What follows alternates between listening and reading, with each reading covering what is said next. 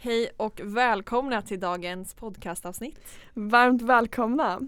Vi är så glada idag för vi har en väldigt spännande gäst på plats, nämligen Savanna Blom. Varmt välkommen!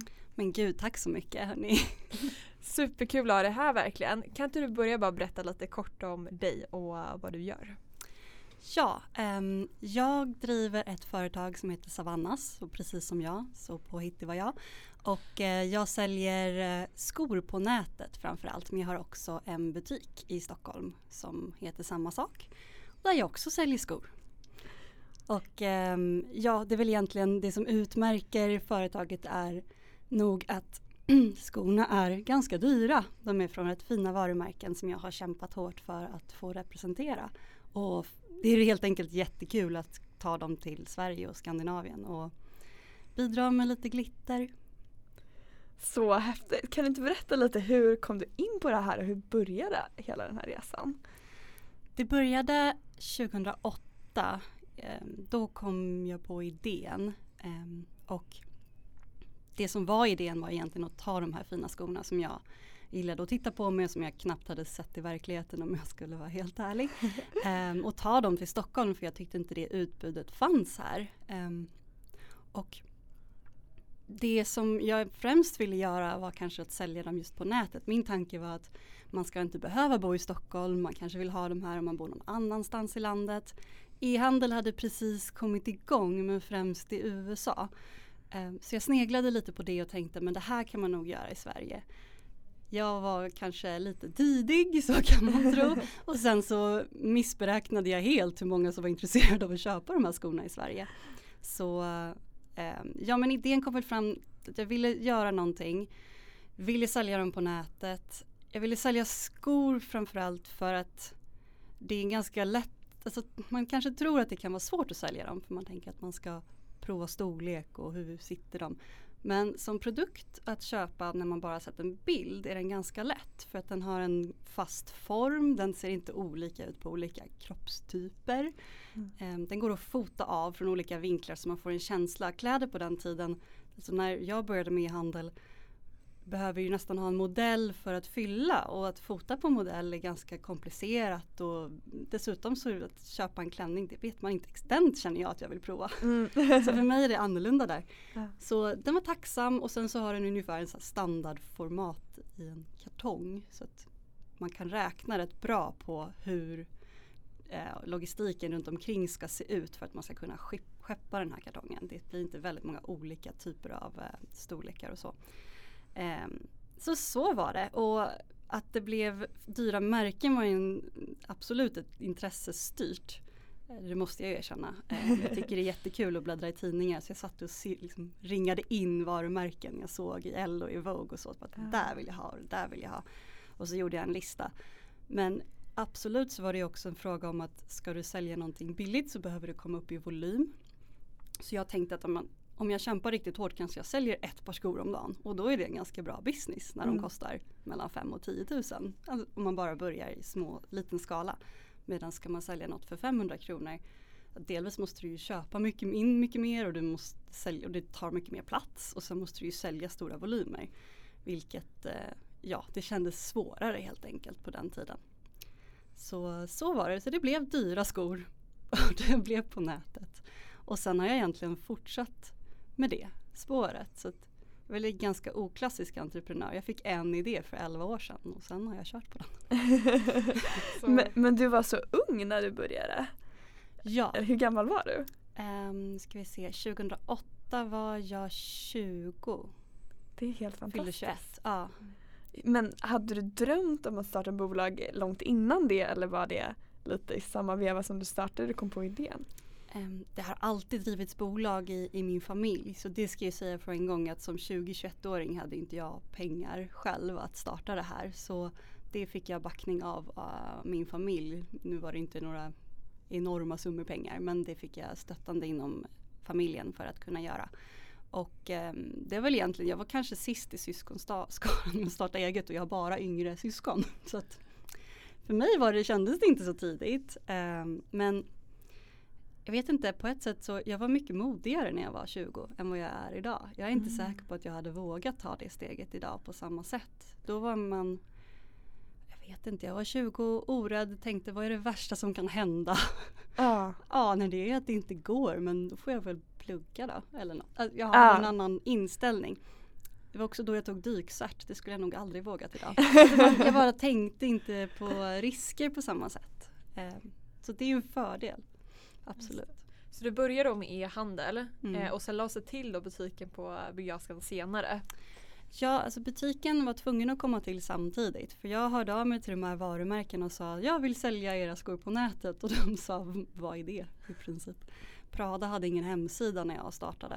Oj. så eh, lyxvärlden var inte alls där. Um, Netaporter fanns men det hade precis startats tror jag. Nu säger jag fel säkert men några år innan. Så det fanns och man hade börjat kanske testa den idén men de hade absolut inte det utbudet som de har idag. Så jag fick ändra min strategi lite grann och började prata om att jag vill starta butik istället. Och då var det många fler som var på. Um, retail eller liksom lyx fortfarande idag men framförallt då var ju lite, om ni tänker er att man ritar upp en världskarta och så har alla säljare sitt område. Och sen så ska man sälja till, på så många pluppar på kartan som möjligt. Så jag var ju en till plupp som var tom. Och så hörde jag mig och sen så tyckte de, ah, vad kul nu kan jag lägga en liten kvot här. Så har jag sålt här också fick jag lite mer bonus. Så så funkar det. Så att när jag inte pratade om e-handel och globalt och allt sånt där läskigt som de helst inte ville överhuvudtaget höra. Utan började prata om Stockholm och att ja, det enda som fanns i Stockholm då i lyx var nog Louis Vuitton, Nathalie Schuterman och typ Mulberry. Mm. Och sen dess har ju Prada och Chanel öppnat. Det kom även um, Burberry och Ralph Lauren och Stella McCartney och Celine. Alltså om man Mm. tänker på hur många butiker som har lagt till sen dess så var det ganska begränsat. Eh, på skosidan fanns egentligen bara NK. Nu blir det här väldigt på lokal, lokalkännedom ur Stockholms perspektiv. Men de gillade verkligen det att, att nå så pass långt norrut som Stockholm som är en liten avkrok enligt de allra flesta sydeuropeer. Ehm, och sen så eh, E-handeln har ju alltid varit mitt fokus och mitt, kanske min passion och mitt intresse. Men butiken ger också rätt mycket av känslan och har, den har jag lärt mig väldigt mycket av för det är ju där man faktiskt fysiskt får träffa kunden. Och visst, det är kanske främst det kunder som bor i det här landet. Ehm, men jag får också mycket turister som ändå ger något perspektiv på okej men om jag säljer till USA. Ja nu kom det in amerikaner i min butik och så börjar man liksom förstå lite grann mer hur de funkar och vad de är intresserade av och, och så. Så det har ändå hjälpt ganska mycket i att, att förstå kunden. Att också ha en fysisk närvaro. Nu är det trenden, det var ju inte det då. nu ska ju alla som är pure player online ska ha en fysisk närvaro. Alla fysiska butiker vill ha online. Jag har ju jobbat med det här från start. Ehm, och det känner jag mig ganska, det känner jag mig rätt bra på just nu. Att balansera det och få båda att fungera. Men det gör ju också att mitt utbud i butiken kan kännas väldigt osvenskt. För att mycket av mitt sortiment köper jag ju in för att jag säljer globalt. Mm. Och det finns länder där det aldrig blir vinter. Så att jag säljer sandaler året runt. Ja, hur ser uppdelningen ut nu? Vad är största fokuset? Butiken eller eh, online? Vad säljer du mest? Det är absolut online. Online. Ehm, Jag redovisar inte men eh, Mm. det är absolut online som Ja. är det stora fokuset. Ehm, Och långt bort i världen också vilket är jättespännande. Mm. Gud vad kul. Men hur skapar man en e-handel? Eller hur gjorde du? Var det så här, okej nu måste jag hitta en programmerare eller använder du något verktyg för att göra det? Eller? Ja nu finns det ju så många verktyg. Ehm, så n- idag så finns det ju knappt några hinder känns det som att starta e-handel. Det är bara att gå in på Shopify och sätta igång i princip. Eh, då var det inte så. Man behövde kontakta, på den tiden kontaktade man en byrå lite grann som att man ska göra en hemsida. Att Mm. man säger hej jag bygger hemsidor så var det någon som byggde hemsidor och hade börjat lite med handel. Lite så såg det ut så det var i princip samma, team där och man köpte oftast en färdig produkt. Idag kan du i princip plocka ihop din egna lilla verklighet där allting är integrerat via, via API och sånt. På den tiden var det så här, ja det här var min låda, hoppas den håller i fem år. jag vill inte köpa en ny låda. Så um, först var jag faktiskt på Panagora, de finns kvar idag. Um, och där var jag ganska länge. De hjälpte också med hela konceptet lite grann med brandingen och satte logga. Så det var lite ja, byrå på det sättet att det både var, var front-end och back-end och mm. allting mm. igen och samma. Och det ska jag väl säga att det är inte dåligt, ett dåligt sätt att gå tillväga även idag. Det behövs lite pengar för mm. man måste kunna betala för någonting innan den har, det har bringat in några pengar. Uh. Men det kan man ju, med Shopify idag kan du ju i princip, nu gör jag reklam för Shopify, men då kan du ju börja i princip sätta upp den innan du betalar för någonting alls. Uh. Så det Hur marknadsförde du dig i början? För det var liksom innan Instagram och allt det. Hur gick du tillväga för att sprida namnet? Det här är min absolut sämsta egenskap. Jag är inte särskilt bra på marknadsföring ska jag säga. Ehm, jag satsade egentligen hela marknadsföringsbudgeten på den lokalen som jag skaffade. Ehm, det är om man tänker liksom, ja, lokal marknadsföring i alla fall. Så tänkte jag att men om jag ligger där mittemellan Gucci och Nathalie Schutterman då, då, finns jag ju. Då, mm. då, kanske jag inte måste göra en massa reklam. Men på den tiden var det ju, det var ju svenskan man skulle annonsera i. Så fysiskt tryckt tidning. alltså online marknadsföring provade jag flera olika gånger. Det var som att kasta pengar i ett svart hål upplevde jag det som. Eh, det kan det fortfarande vara idag, eller det kan det verkligen vara idag. Men verktygen har ju blivit lite mer sofistikerade. Så nej men det, jag la hela marknadsföringsbudgeten på butiken. Och sen så har jag jobbat ganska strategiskt från start med affiliates. Som det brukar influencers och bloggare känna till men kanske inte konsumenter. Och det är att när du söker på internet någonstans efter en viss produkt så kan du absolut hamna på den produktens varumärkessida. Men du hamnar ganska ofta på sådana här aggregerade säljsidor. De het, förut fanns det någon som hette Polyvore. Det finns fortfarande Shopstyle och Lyst känner säkert några till. Och, och det är sådana sajter som egentligen visar utbudet från en massa olika aktörer. Och det är svårt ibland att komma, på den tiden så vet jag inte, jag fick kämpa så hårt för att komma med där. Så då ligger mina produkter bredvid Barneys och bredvid Netta Porters produkter. Alltså, och då plötsligt så lyfts man upp lite grann bland de stora jättarna och det har funkat jättebra. Det är ju en typ av marknadsföring som är väldigt produktfokuserat.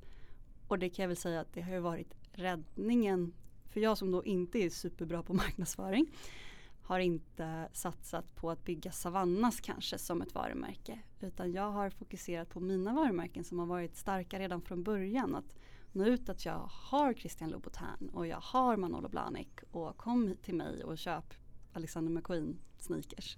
Och ja, kanske lagt mitt egna varumärke lite i bakgrunden och fokuserat på att nå ut med att jag har dem och att de finns hos mig. Det låter ju supersmart, wow! Så imponerad. Har det varit eh, utmanande att få in alla de här märkena? Ja, jag berättade ju där om den här lilla listan jag gjorde. Och när jag gjorde den så tror jag att Christian Louboutin var högst upp eh, på min lista. Manolo Blahnik fanns absolut med där. Men det kändes mer ouppnåeligt nästan. Um, och så gjorde jag min liksom, prioritetslista så började jag ringa runt mm, och försöka få tag i någon. Och det intressanta är att det går ändå att få prata med varumärkena. De är inte helt stängda. Eh, så jag fick ofta svar att ja, nej, vi samarbetar inte med helt nya verksamheter men hör av dig igen om två år. Mm. Lite så. Um, det jag märkte var att fick man en på kroken så det gällde bara att komma in någonstans på något av de här fina varumärkena som gillade att synas ihop. Um, då brukade de andra liksom mm. trilla in efter. Så efter att jag hade fått höra från Christian Louboutin att så här, ja vi är intresserade men hör av dig genom ett tag. Till alla andra sa jag ju att ja, men Christian Louboutin, de blir intresserade och då funkade det rätt bra. Oh, så det var det ingen som så. kanske frågade om jag faktiskt hade köpt in. Det förstod de väl att det kommer sen. Men i slutändan så vill de ju sälja någonstans. Och ja, där hjälper ju lokalen också eftersom de mycket gick på var ligger du någonstans. Mm. Ja, men du är bredvid Gucci, ja men det, mm. det är bra. Så att det beror, där spelar jättestor roll. De tittar mm. väldigt mycket på det. Men såklart också det där med att man ska ha funnits två år, det handlar ju om att man inte bara ska köpa in varor och sen inte klara av att sälja dem så man inte kan betala för dem. Mm. Det är egentligen en ren riskminimering. Mm. Eh, Så. Har du någon drömsko själv? Ja, eh, det finns många. Ja, ah, man blir ju nördig med det här. Men jag tycker många av Manolo Blahniks tidigare modeller som han har gjort någon gång för typ Onassis eller ja, men någon sån här gammal känd kändis så som jag tycker är fina. Det finns en eh, som jag faktiskt sålde en variant av som är en eh, sandalett med väldigt tunna remmar som är gröna och så sitter det rosor på dem så att man hamnar, man får liksom en sån här ros snurrig-snurr runt benet. Jag tycker de är fantastiska. Det är kanske inte det mest praktiska men de tycker jag är underbara. Oh, wow. Vad skulle du säga är det bästa med att ha drivit eget nu under de här åren du har gjort det? Alltså, då kanske måste ge lite mer bakgrund. Jag startade absolut för 11 år sedan men det är först för ett år sedan som jag gör det här på heltid. Jaha, men Mm. wow! Wow, just det. Så jag har kanske varit en väldigt feg entreprenör som Mm. inte förrän jag blev 31 vågade satsa fullt ut. Utan, ehm, så jag utbildade mig till jurist och sen har jag jobbat på några olika ställen medan jag har gjort det här. Så det är först nu. Och jag kan väl säga att det har varit bra för mig och jag berättade lite om det att jag vågade mycket när jag var 20 och sen så ja, så blir man lite osäker och bara herregud ska jag jobba med det här i 50 år till och kommer jag lära mig tillräckligt mycket? Finns det något annat jag egentligen vill göra? Och vem är jag? Och vad?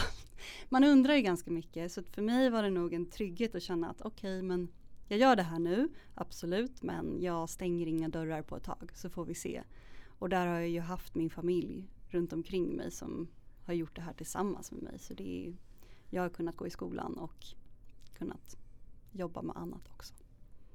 Hur, eh, hur mycket har du jobbat med bolaget om man tänker halvtid eller deltid? Eller? Det har varierat. Under studierna så var det ju mer än deltid, absolut. Ehm, Jag pluggade juridik i Uppsala och det är absolut inte en slackarlinje, det ska jag inte säga. Men man har inte mycket obligatoriskt så jag behövde inte vara på plats mer än två dagar i veckan tror jag. Så då gick det jättebra.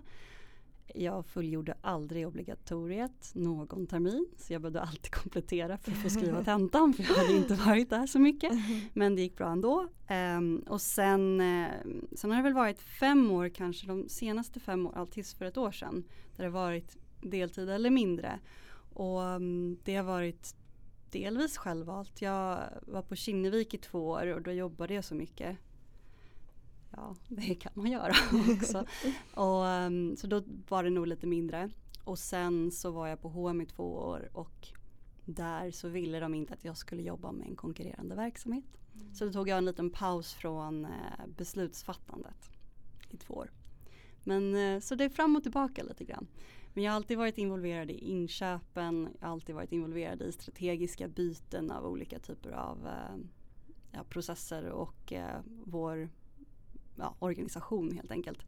Och ja, personal och så har jag alltid varit engagerad i. Hur många är ni som jobbar med bolaget idag ungefär?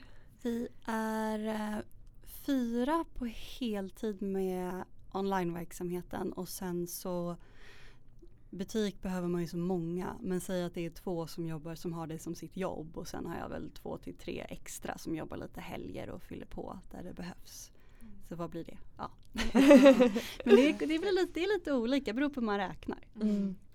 Vad har varit den Gud. största utmaningen hittills? Har det varit någon stor utmaning i, i resan? Men det är alltid en stor utmaning att ha det sortimentet man behöver. I grund och botten så kan man problematisera väldigt mycket kring det här. Vilket team ska man ha? Vilken plattform ska man vara på? Hur ska man ta betalt? Var ska man sälja någonstans? Men i slutändan har du inte rätt varor så spelar sånt ingen roll överhuvudtaget. Så att den största risken med bolaget och det största, det, det som är viktigast för mig är eh, att ha rätt varumärken och att välja rätt produkter från de varumärkena. Det är, det är väl det svåraste för att det är ganska lätt att det blir fel. Hör Och man ju om- gissa vad kunderna vill ha typ. Ja. Ja, och ledtiderna är långa men jag köper in sex till åtta månader innan leverans. Ibland betalar jag hälften när jag lägger den beställningen. Så jag ligger ute med, jag binder kapital rätt aggressivt och sen så måste jag ju gissa och, och känna av vart trenden är på väg någonstans. Men det som är lite härligt med att jag är så pass nischad som jag är med lyxskor Ehm, är att trenderna kommer och går absolut. Men det finns vissa grejer som ändå är klassiker och som folk gillar säsong efter säsong där jag inte behöver känna att jag chansar så mycket. Så det är en balans där. Men lyx är egentligen ganska statiskt om man tittar på det ur det perspektivet. En Hermes-väska har liksom sett ut så och en Chanel. Det händer inte jättemycket i bread and butter-delen mm. av lyx. Medan mode är liksom den andra ytterligheten som jag absolut också känner att jag jobbar med. Men som mer handlar om inspiration och att äh, vara relevant i tiden. Men äh, ja, jag skulle kanske främst kalla mig för lyxverksamhet snarare än mode i vad jag lägger mitt fokus. Mm. Har du något par som har liksom sålt bäst genom tiderna som har varit liksom stadig i försäljning, varit en toppsäljare? Ja, den märker man nog av om man kollar in mig på sociala medier. Mm. Den är en uh, sko som gjordes av Manolo Blahnik för nu ska vi se, den gjordes ungefär då när jag startade så det är väl 10-11 år sedan. 2008 för då kom Sex and the City-filmen ut. Mm. Och Carrie blir friad till med ett par blå sidenskor. Och den här skon tror jag att jag säljer några varianter av varje dag fortfarande. Oj, wow. alltså, inte i kanske just blått men den kommer ju väldigt många färger och väldigt många klackhöjder och även material.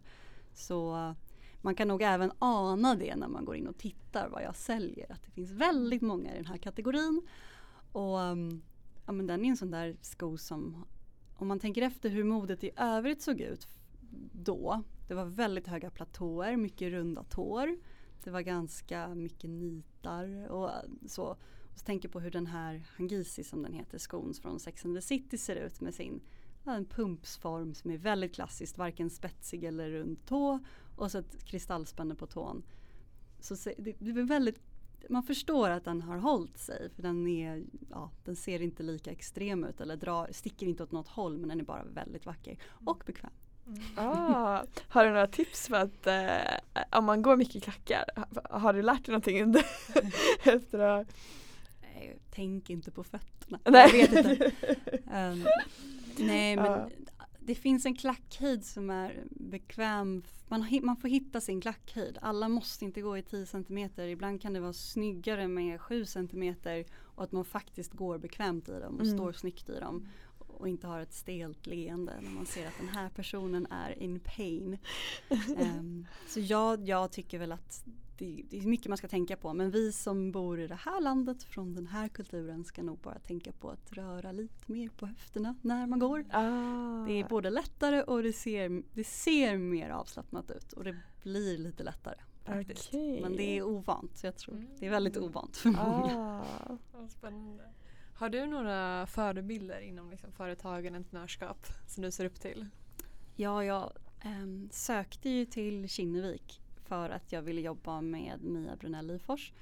Så hon är absolut en förebild och nu är hon VD på Axel Jonsson men då var hon ju VD på Kinnevik. Hon var det i många år men hon slutade tyvärr precis när jag fick mm. mitt jobb. Nej. ähm, men hon är absolut en inspiration just i att leda människor och göra det på, eh, på ett personligt och varmt sätt. Och inte bara vara den som bestämmer utan faktiskt vara den som inspirerar och den som håller ihop ett team. Så det är en ledarstil jag inspireras av väldigt mycket. Um, och sen så, ja, för att fortsätta på den banan så inspireras jag jättemycket av Kristina Stenbeck också. Så jag håller mig till mitt lilla matriarkat där av starka och framgångsrika kvinnor. Ja, vad mm. kul. Mm. Vad fick dig att ta steget sen att jobba heltid? Var det någonting som triggade igång det där?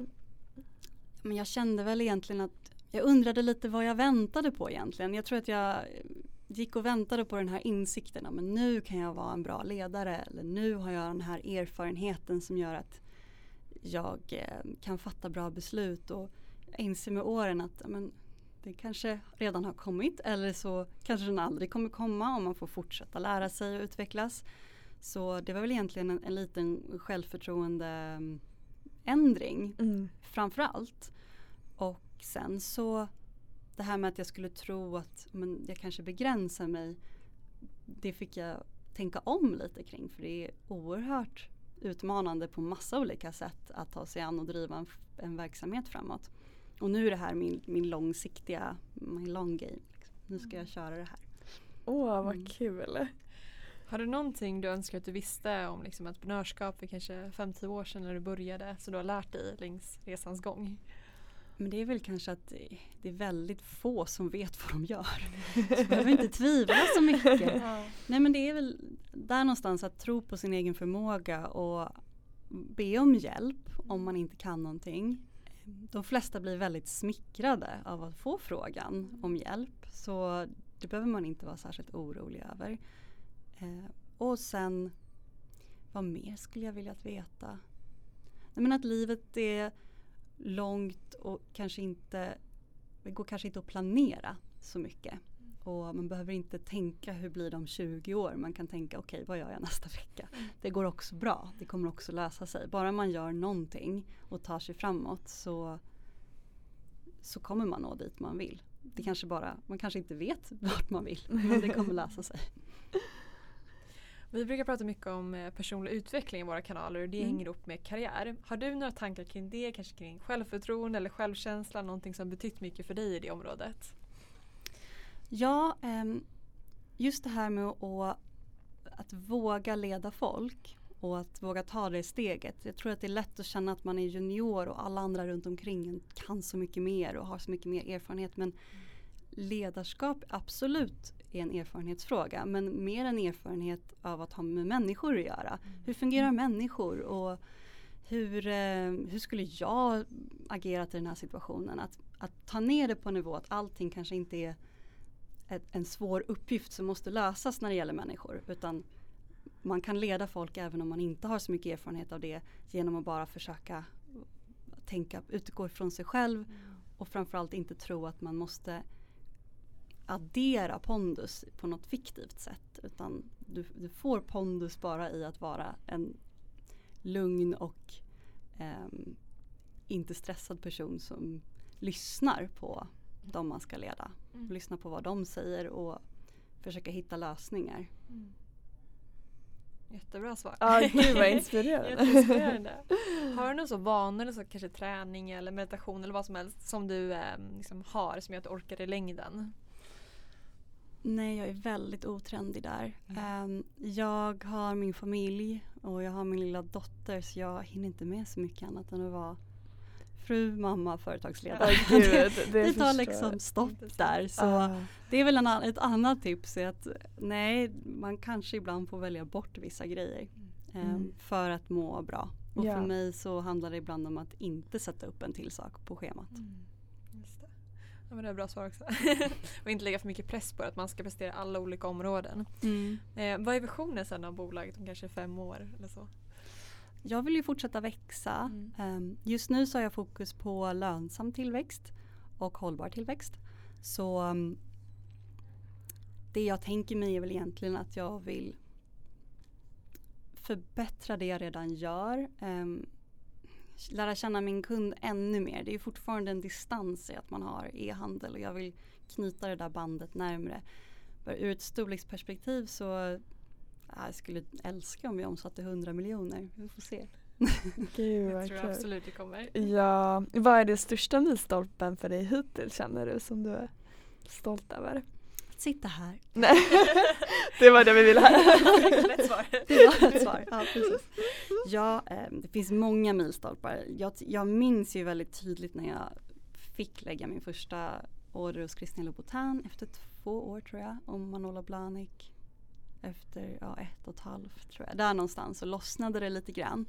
Men eh, sen så finns det många milstolpar. När jag kände också att jag kunde bygga mitt team när det inte längre bara var jag och någon som backade upp i butiken utan jag kunde känna att jag hade möjlighet att anställa. Det kändes väldigt på riktigt då. Att började jag sluta referera till andra verksamheter som riktiga butiker. riktiga e-handlar. Så ja, det var stort tyckte jag.